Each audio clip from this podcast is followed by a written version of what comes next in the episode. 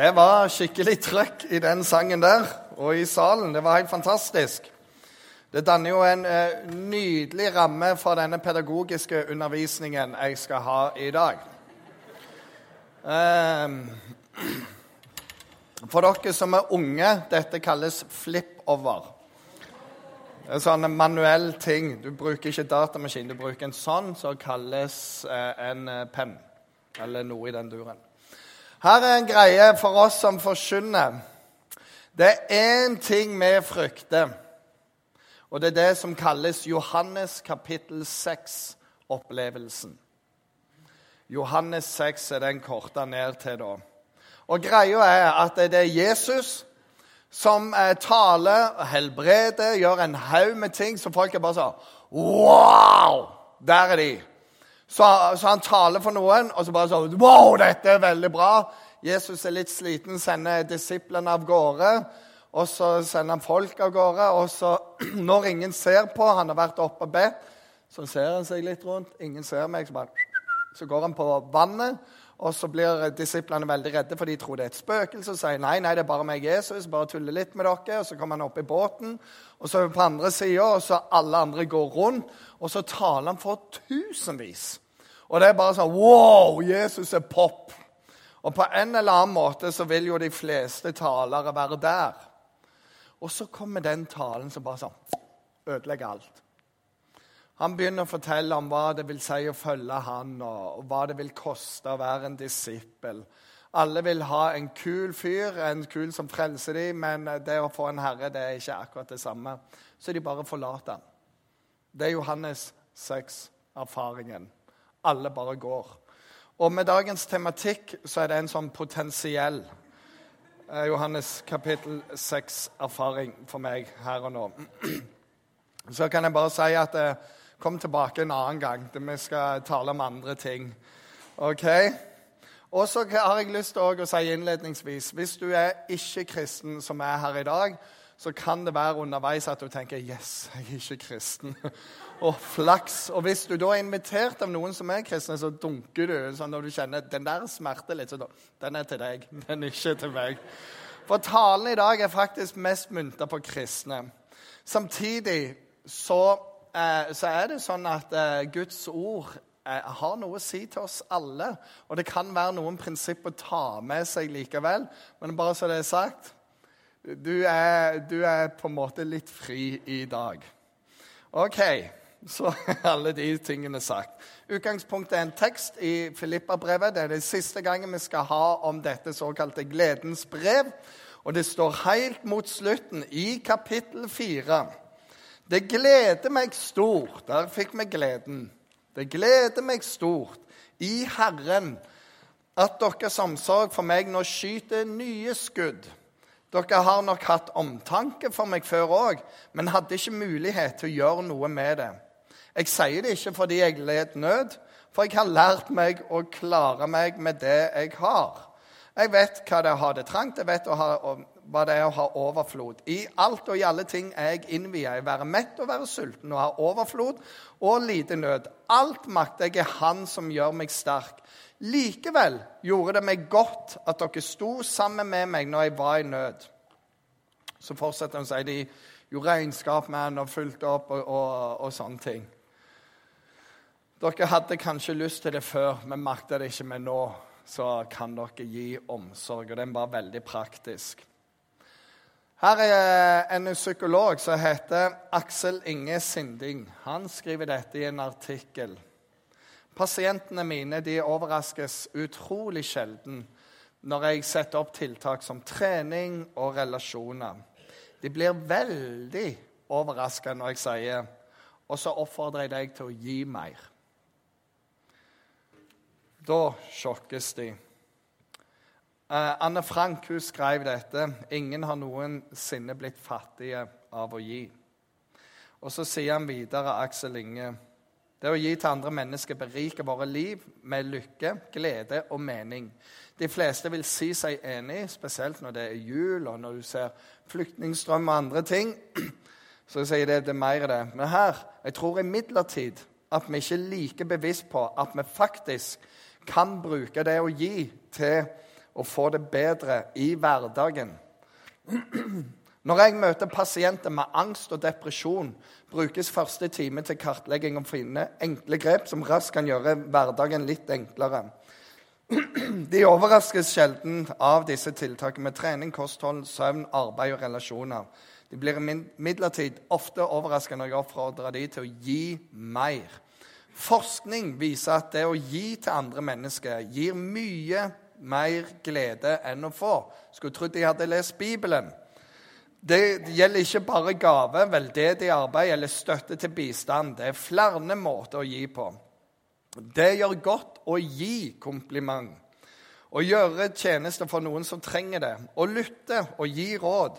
Bare ønske andre godt og gjøre godt. Å, gi gjør noe med hjernen vår. Det aktiviserer de samme områdene som når du spiser sjokolade eller har sex. Noen ting forsterker opplevelsen. Du blir gladere, av å vite hvilken nytte gaven gir. Av å se mottakeren. Av å gi flere små gaver istedenfor én stor. Når andre ser at du gir, når du mottar takk etterpå.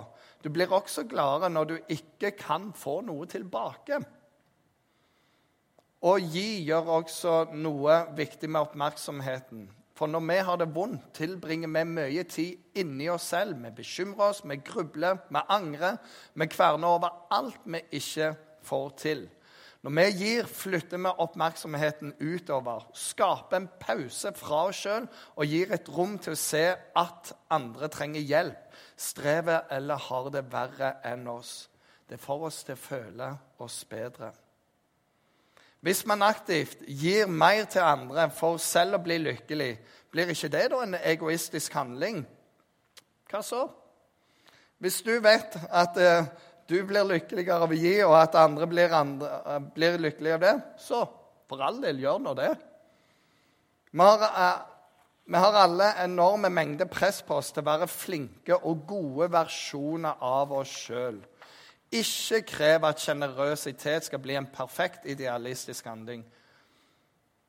Du bør være om mulig uh, uselvisk og selvisk på en gang, samt å nyte takknemlighet og beundring.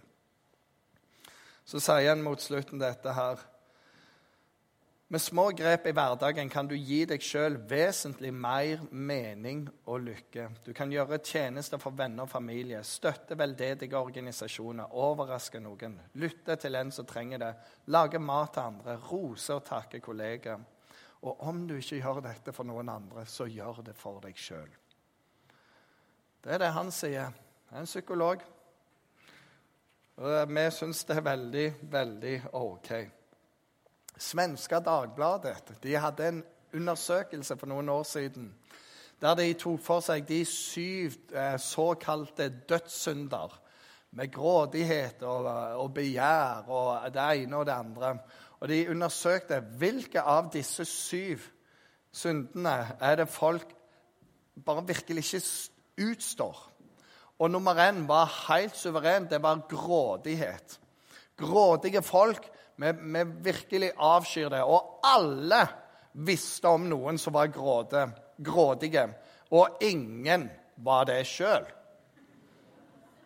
Det rare er at vi avskyr ofte mest det som er nærmest oss sjøl. For du kan ikke tenke deg til For det, det var motsatsen til grådig, det å være sjenerøs. Og du kan ikke tenke deg til å være sjenerøs. 'Å, jeg tenkte å gi deg noe.' Og jeg hadde så lyst til å ofre noe. Ja, du gjorde det ikke. So what, liksom? Og jeg håpte det gikk bra, og jeg, tenkte jeg skulle spandere den turen på deg. Ja, flott det. Flott tenkt. Jeg kom meg ikke på den turen. Og, og greia er at eh, sjenerøsitet, som er motstykket til grådighet, det er at du faktisk gjør noe. Av og til av de rette grunnene òg. Men, men, at du gjør noe. Og så, og så kan vi fortsette. Ja, men du skjønner det, Røyeling, at jeg er sjenerøs. For i sommer, da ga jeg en gave. Og den var ganske bra, den. Vet du hva, Det er akkurat sånn som når konene våre kommer og sier og Nå er det litt stereotypisk eksempel, men det er sånn det funker hjemme hos oss. Røyeling, du bidrar jo ikke nok i hjemmet. Å jo, Nei, og så begynner hun å ramse opp. Vi var besøkte formann Frank og Heidi her i, i går. Og så sa jeg jeg liker å by på mine svakheter. Så supplerte Katrine. Og jeg kan gjerne supplere. hun har nådegaven til det. Naturgaven. Sånn, så begynner hun. Du må hjelpe til mye mer med støvsuging, tørke støv av det ene og det andre. Sant? Ingen andre satt den. Og da hjelper det ikke. Jo, men jeg hjelper til. Ja, hva gjør du? Nei, for to uker siden så gikk jeg ut med søpla. Det er ikke det du snakker om. Det er ikke liksom dermed. Og det er litt sånn med, med, med, med å være veldig sjenerøs òg. Og jo, men jeg har jo en gang. Og det kjøper meg fri veldig lenge. Hun vil at jeg skal gjøre noe som en vane hjemme. Og det er helt utrolig. Jeg trenger forbønn. Jeg har eh, noen veldig gode eh, venner av oss. Jeg skal ikke nevne navn på dem, men de bor veldig nærme oss. Der hun klikka på han, og hun sa 'Jeg gjør jo alt her'. Nei, det er ikke sant, sa Jo, jeg gjør blablabla. Så kom det på rekker av en tirade, og hun ble rødere og rødere i ansiktet. Og så sa hun 'Så hva gjør du?' Nei, jeg eh, slokker lyset, sa hun. og du vet Ba! Du har liksom ikke så mye å stille opp med. Litt mer enn det. Og vet du hva? Av og til så er vi på det nivået. Jeg er sjenerøs! Jeg ga jo en 50-lapp der for et uh, halvt år siden. Så når vi snakker om å være sjenerøse, så snakker vi om noe som du gjør til vanlig. Det er noe du gjerne gjør månedlig, for vi får månedlig lønn eller tilskudd eller et eller annet på den måten. Ok? Det er der vi er. Så vi skal ikke snakke om å gjøre ei greie, men å være ei greie. Det er forskjell på de to. Av og til kan jeg gjøre ei greie hjemme og ta ut den der. Men hvis jeg skal være ei greie, så må jeg hjelpe til, så hun kan kalkulere det inn. Vi skal ha tre hovedhistorier her. Den første er hentet fra Gamle testamentet. Det står det var godt ei tid, tørke, når det var gått ei tid så dette om Elias. Så tørker bekken bort der han var. Og Herren sa nå må du reise, for, for du kommer til å sulte i hjel her. Og så går han, og så står det Gå straks av sted til Sarepta, som tilhører Sidon, og slå deg ned der. Jeg har befalt en enke som bor der, å sørge for deg. Straks så gikk Elia til Sarepta og kom til byporten. Akkurat da var det ei enke der som gikk og sanka ved. Han ropte på henne og sa, 'Hent litt vann til meg!' Og jeg skal si for drikke. Og hun gjorde det. Hun henta det. Og så sier han, 'Ta òg et stykke brød med til meg.' Men så svarer hun, 'Så sant Herren din Gud lever, jeg eier ikke så mye som en brødleiv, bare en håndfull mel i krukken og litt olje i muggen.' Nå går jeg her og sanker et par vedpinner. Så vil jeg gå hjem og lage noe til meg og sønnen min. Når vi har spist det, kan vi legge oss ned for å dø. Elias sa til henne, Vær ikke redd. Gå hjem og gjør alt som du har sagt, men bak først en liten brødleiv til meg, Amelie, og kom ut til meg med den. Siden kan du lage til, noe til deg og sønnen din. For så sier Herren, Israels Gud, melkrukken skal ikke bli tom, og det skal ikke mangle olje i muggen til den dagen kommer da Herren sender regn over jorden. Da gikk hun og gjorde som Elia hadde sagt. Og både hun og han og hele hennes hus hadde mat i lang tid. Melkråken ble ikke tom, og oljen i muggen tok ikke slutt. Det gikk som Herren hadde sagt gjennom Elia. Og, og bare som rammeverket for denne historien Det var en tørke som var uten like. Og Hvis du har sett fra Syria i dag, med, med, all krigen som er der, og de har filma inn i, eh, i, området der folk de kommer ikke ut, de får ikke mat. Og De ligger der og de, de venter på å dø. De, de, prøver å spise litt gress, og så, og så, ser det ikke ut. Det var ikke krig her, men det var en tørke, og situasjonen var helt lik. Det var skikkelig, skikkelig ille. Folk sulta fordi det kom ikke noe mat. Men denne kvinnen våger å stole på en fremmed mann og så skjer det noe. Hun ser at det er noe med Gud her. Skal vi bare pause fra den historien. Så kommer vi til denne fantastiske pedagogiske greia her, som dere på podkasten òg kan se. Og greia er at i en eh, menighet så er det to stykk som går. Det heter Pekka og Timmo, for dette er i Finland. Det har ingenting med oss å gjøre. Og Pekka og Timmo de hører samme forkynnelsen. De er på de samme tilstelningene. Og en av disse undervisningene de hører, det er at eh, du skal gi av det du har, og, og gi tiende en god ordning, for da gir alle likt, bare med ulike beløp, og du slipper å lure på mange ting. Og det er en lydighetshandling og alt i sammen. Fantastisk bra. Så er det bare at Pekka og Timmo har tenkt seg fra A til B i livet, begge to. De har liksom planlagt litt. De er litt strukturerte. Litt sånn gjør lure investeringer for å komme fra A til B. For her, på B, der har jeg hus, der har jeg bil, der har jeg ikke så mye lån. Der har jeg mulighet til å gjøre noe. Så Pekka, han tenker jeg må ha alle pengene mine for å komme der. For det er bare sånn. Det er dyrt å bo. Det er dyrt å, å ha mat. Det er dyrt å leve. Jeg trenger alt. Så Pekka han eh, tenker sånn. Timmo han har faktisk hørt litt på pastoren og leser litt i Bibelen. Han har hørt noe om å gi 10% til Gud.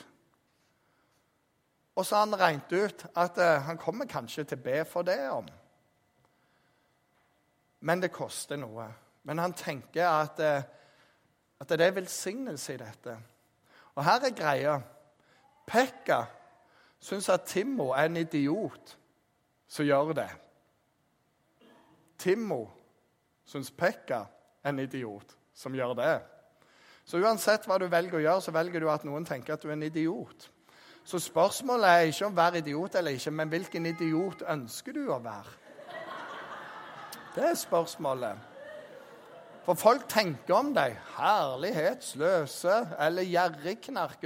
Grådige folk. Det er de verste. Men, men, hva er det? Finansielt lurt. Så er det ei greie. Det står et par historier i Bibelen om at når vi våger å gjøre denne modellen, så kommer Gud, og så sier han Og jeg skal føre deg til noen plasser som heter C. Prøv meg på dette, sier Herren om at når du gir, at jeg ikke skal forsørge deg. Prøv meg. Og Det er faktisk den eneste plassen han sier 'prøv meg'. Så du har lov å teste Gud. Har menighet jeg følger veldig tett. Jeg utfordrer hele menigheten. Gi tienden i, i 90 dager. Hvis du ikke blir velsigna på noen måte, så får du alle pengene tilbake igjen. Prøv meg. og de tok de på ordet. Det var 1000 nye givere der. Men greia er at eh, dette er noe som flere av oss har erfart i livet, og erfarer.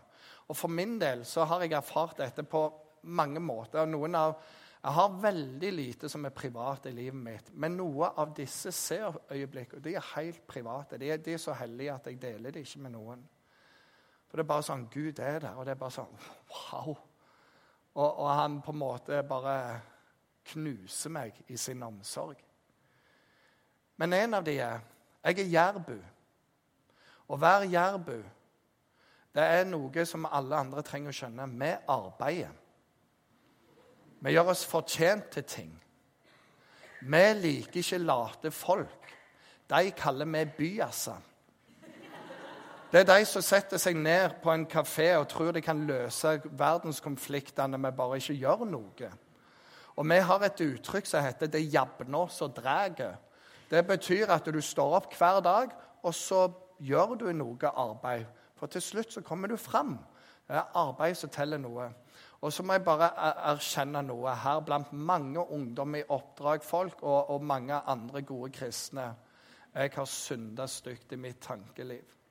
For som en jærbu så har jeg syntes det har vært veldig fælt med alle disse. Jeg bare opplever det, at Gud har sagt at jeg skal reise jeg skal ikke jobbe, men dere skal gi meg penger. Jeg bare kjenner jeg kall til det. Og vet du, Når du er på Jæren, så kjenner vi at vi ikke er helt der.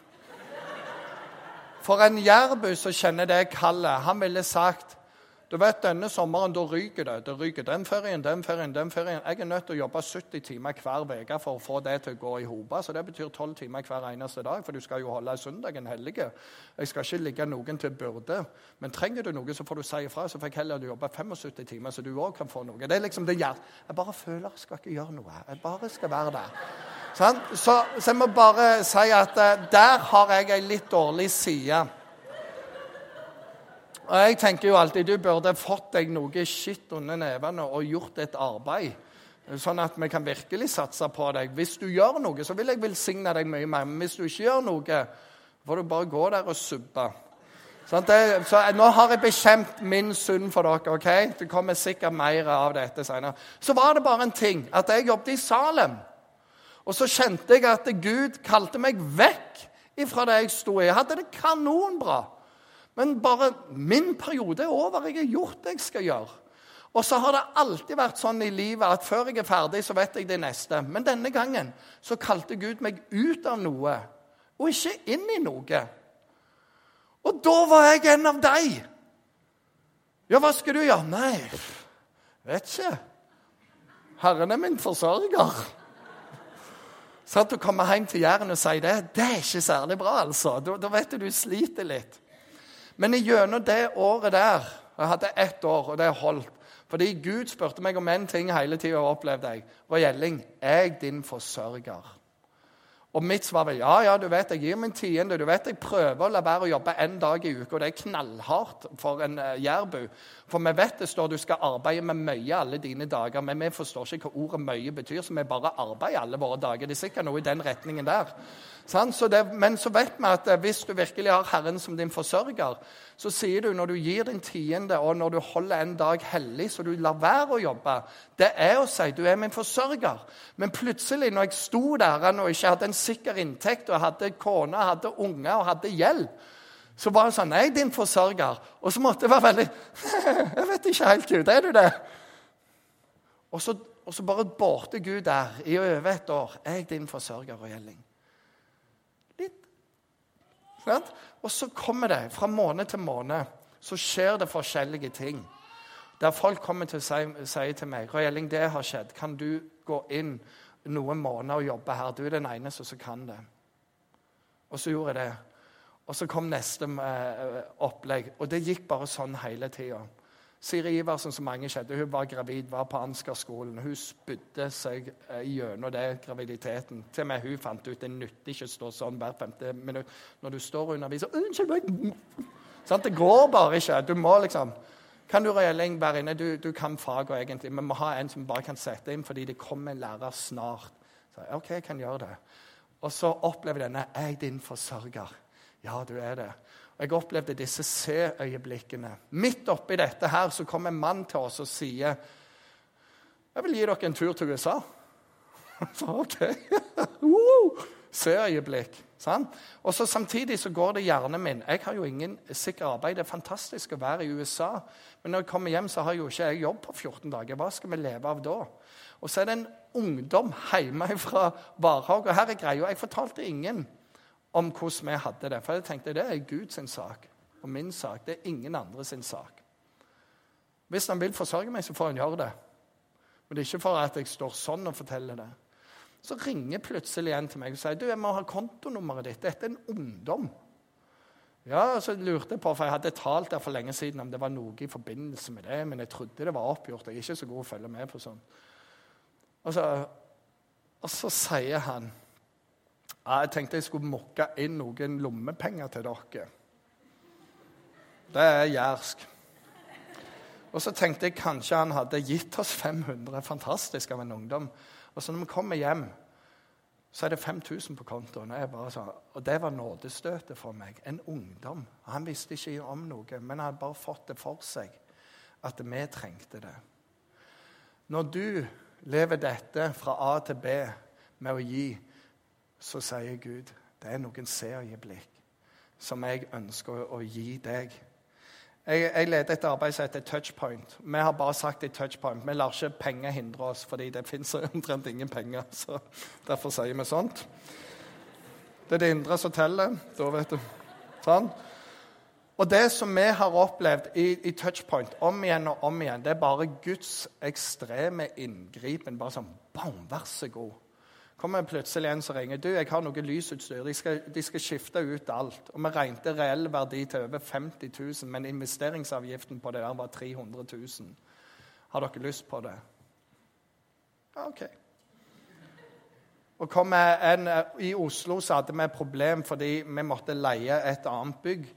Og så skulle de betale gjeld, og de hadde samla inn og ofra det de kunne. Ungdommene og menigheten hadde gitt noe, men de mangla 8000. Og så formannen i Oslo ringer da inn til, til pastor i Oslo misjonskirke og sier du, kan dere hjelpe oss. Vi mangler 8000. Så rart du ringer akkurat nå, sier han. For I dag snakket jeg med en mann som ikke ville gi til det vanlige, men han ville gi til noe. Jeg ringer til han, så ringer jeg deg tilbake igjen. Og Så går det et kvarter, og så sier han ja, Han likte det. Han har hørt om touchpoint. Han hadde veldig sansen for touchpoint, Så han ville gi en liten gave. Og da håpte vi på 8000. Han gir 100 000. Og da sa sånn Ja. Dekker våren òg, det. Og av og til så er Gud bare sånn Wow! Og så er greia det og Nå må jeg bare få være litt svensk. Det var en som sa det. Du skjønner det er sånn med Gud. Når du gir til Gud, så er Gud en giver. For det står dette Han som ikke sparte sin egen sønn, kan han noe annet enn å gi oss alt med Han? Så sier svensken, så jeg skyfler det ut. Men han skyfler det inn, og jeg skyfler det ut, han skyfler det inn, og jeg skyfler det ut, han skyfler det inn. Men han bruker større skyffel enn meg, ba. Så det er dårlig i dette her. Ok. Så dama i denne historien Hun skulle forberede et siste måltid, så skulle de dø. Og så opplever hun at hun gir, og så kommer det et seøyeblikk der. De har mel, og de har olje. Så lenge tørke varer. Vi aner ikke hvor lenge det varte, men det varte en stund. Hun fikk se Guds omsorg og inngripen. Historie nummer to. Jesus satt rett ovenfor tempelkisten. Han så at folk la penger i det. Mange rike ga mye. Men det kom òg ei fattig enke og la to småmynter hvert noen øre. Da kaller han disiplene til seg og sier, 'Sannelig, sier dere, den fattige enka har gitt mer enn noen av de andre som la penger i tempelkisten.' For de ga av sin overflod, men hun ga av sin fattigdom. Alt hun eide, alt hun hadde å leve av. Og det imponerer Jesus. Han rører seg av det og sier, 'Kom igjen, folkens.' Så leser jeg i Apostelens gjerninger, kapittel 9, om ei, ei dame som heter Dorcas. Og Hun gjorde mye godt. Hun sydde klær til de fattige, hun delte ut. Og så dør hun. Og Så sier de til Peter du må komme. Hun hun dør, hun var jo så god. Og så blir hun vekt opp til live igjen. De viste liksom hva hun hadde sydd mens hun levde. Og så blir hun vekt opp til live igjen. Neste kapittel så står det om Kornelius. Og han får et bønnesvar. Og det, og, det, og det, er så utrolig bra i teksten, for det, det sies dette Engelen sier til Kornelius.: Jeg har sett dine almisser, og jeg har hørt dine bønner. Gud beveges av sjenerøsitet. Det gjør noe med Guds hjerte når vi er sjenerøse. Eh, og, og, det nevnes flere ganger i Bibelen når vi deler av det lille vi har. Jeg kan si for min del, jeg kommer fra en kommunal bolig. Vi hadde ikke mye. Vi levde på én inntekt. Vi skulle gjøre det, men det var noen som drakk opp halvparten av det. Jeg har alltid holdt med Liverpool, men vi hadde aldri råd til Liverpool-tøy eller noen sånne ting. Vi var aldri så fancy kledd som de andre. Hvis jeg hadde råd til å være på leir, så hadde jeg aldri lommepenger. Mange ganger ble jeg spandert på fordi jeg hadde taletøy med meg og lagde veldig mye gøy. En gang nå, er det virke, nå avslører jeg hvor gammel jeg er. En gang fant jeg en tier-lapp Husker dere de blå? Noen av dere aner ikke hva det er. Penger det var sånn som var i cash før. Og, og greia var at Min umiddelbare tanke var nå har jeg råd til å kjøpe to brød. Så kan vi spise oss skikkelig mette. Det er noe av min bakgrunn. Men jeg vokste også opp med en mor som alltid hadde noe å dele. Det var å tømme frysen, tømme alt. Det var gjestfriheten sjøl. Og her er greia Jesus ikke eller Jesus er interessert i hjertet ditt. Det er der det er.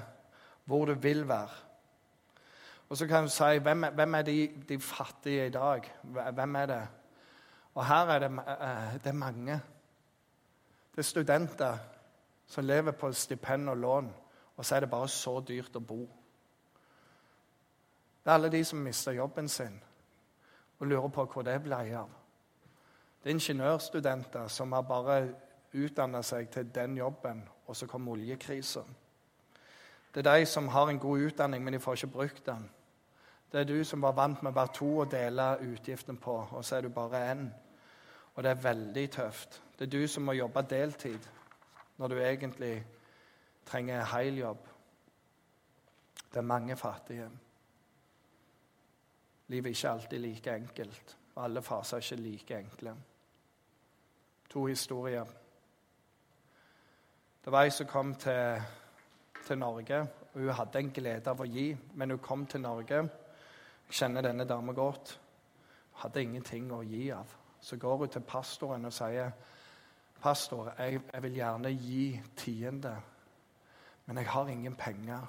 Så jeg har lurt på kan jeg få lov å vaske i kirka. Kan det være min tiende? For jeg har ikke penger. Og Det rører jo en pastor. Så han tar det opp i styret. Styret sier hun kan ikke, hun kan ikke vaske gratis. Så de sa ja, du skal få vaske, men vi skal gi deg litt for det. Og så sier hun da har jeg noe å gi tiende av. Skjønner du? Det er ikke beløpet, men det er hjertet i det. Jeg dropper den andre, men her er greia. Uforutsette ting skjer i livet vårt, så det er ikke alltid vi er der. Men hva om du hva om du klarer å gi noe fast? Hva om det er 500? Hva om det er 200? Hva om det er 100 kroner? Eller kanskje det er 50? Eller hva om det er 30 kroner? Men det er bare noe sånn. Jeg vet ikke om jeg klarer det, men, men det er mine to øre. Det er ikke beløpet, det er hjertet. Og det berører Jesus. Så jeg tror vi ikke ønsker å være grådige. Jeg tror vi ønsker å være sjenerøse. Vi ønsker ikke var de som gikk ut med søpla sist uke, men noe vi gjør til vanlig. Så start i dag. Jeg har lyst til å si følg denne psykologens råd. Gi der du kan, så ofte du kan. Inviter folk hjem, eller inviter folk ut. Spander på folk, vær sjenerøs. Sitt gratis barnevakt for noen. Mitt telefonnummer er 976. Gi av din tid til noen som er ensomme.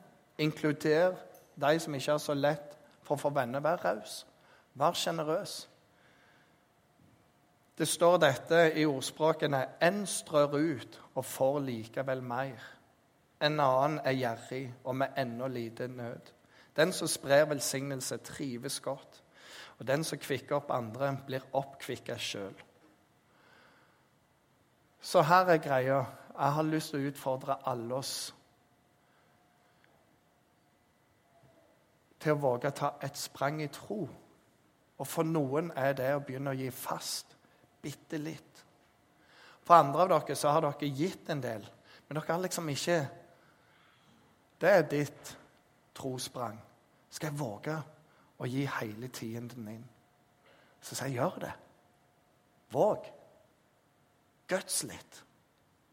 Og for andre av dere er dere i en annen fase av livet der Men vi, vi kan være med, vi kan bære mye med.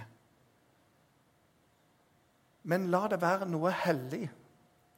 Du er kjøpt og betalt.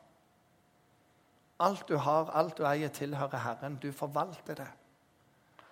Og vi vet noe om å ha det trangt, og noen vet noe om å ha det veldig romslig. Men alle kan gi noe. Og Først og fremst handler det om å gi seg sjøl. Men hvor kan du strekke deg? Hvilken, hvilket steg kan du ta? Greia er Jeg skal avslutte nå. Det siste som blir frelst på oss, det er pengene våre. For de har vi tjent. De er våre, og de trenger vi. Tenker vi. Men det er Herrens. Og hver eneste gang du gir, så bryter du noe av materialismen i livet ditt. Og hver eneste gang du gir, så gjør det noe med deg. For det du bruker penger på, det sier noe om hvor skatten din er. Og du kan styre gjennom å gi hodet og hjertet ditt i en retning. For når du gir, så bryr du deg om det. Så hvis du vil at noe skal være en verdi, så begynn å gi den retningen. For da styrer hjertet og tanke inn i den retningen òg. Så vil du at Gud, vil du at menighet skal være en av de faktorene, invester der økonomisk. Har du gitt pengene, så er det ikke mer å holde igjen. Og Det står et bibelvers om at når vi ikke klarer å gi av pengene, hvordan kan da Gud gi oss det som betyr mer? Av nådegaver, av tjenestegaver. Så ser det ut som om at det, nøkle, eh, det er nøkkel for å komme inn i et av disse rikerne livet med Gud. Det er å våge å gi økonomien til ham og si 'Du er min forsørger. Du får ha kontrollen'. Og så vet du at det, samme hvor mye du skyfler ut, så skyfler han inn. Og han bruker større skyffel enn deg var. Oppi det nå skal jeg be. Og så skal jeg òg ta med alle de som syns dette er litt vanskelig akkurat nå. Alt dette.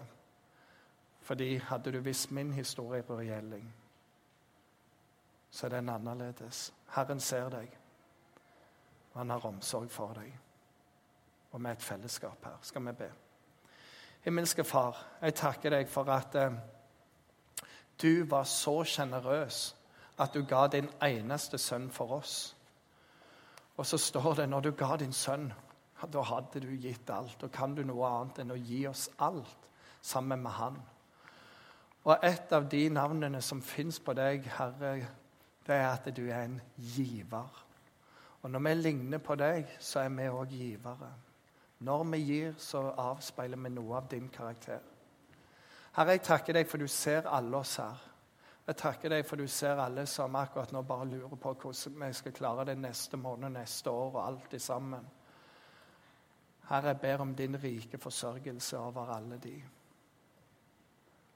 Og så ber jeg for alle oss andre som ikke er der akkurat nå. Og du hjelper oss å ha skatten i himmelen. Ha hjertet sammen med deg, Herre. Hjelp oss å være en glad giver. Jeg ber om det. I Jesu navn. Amen.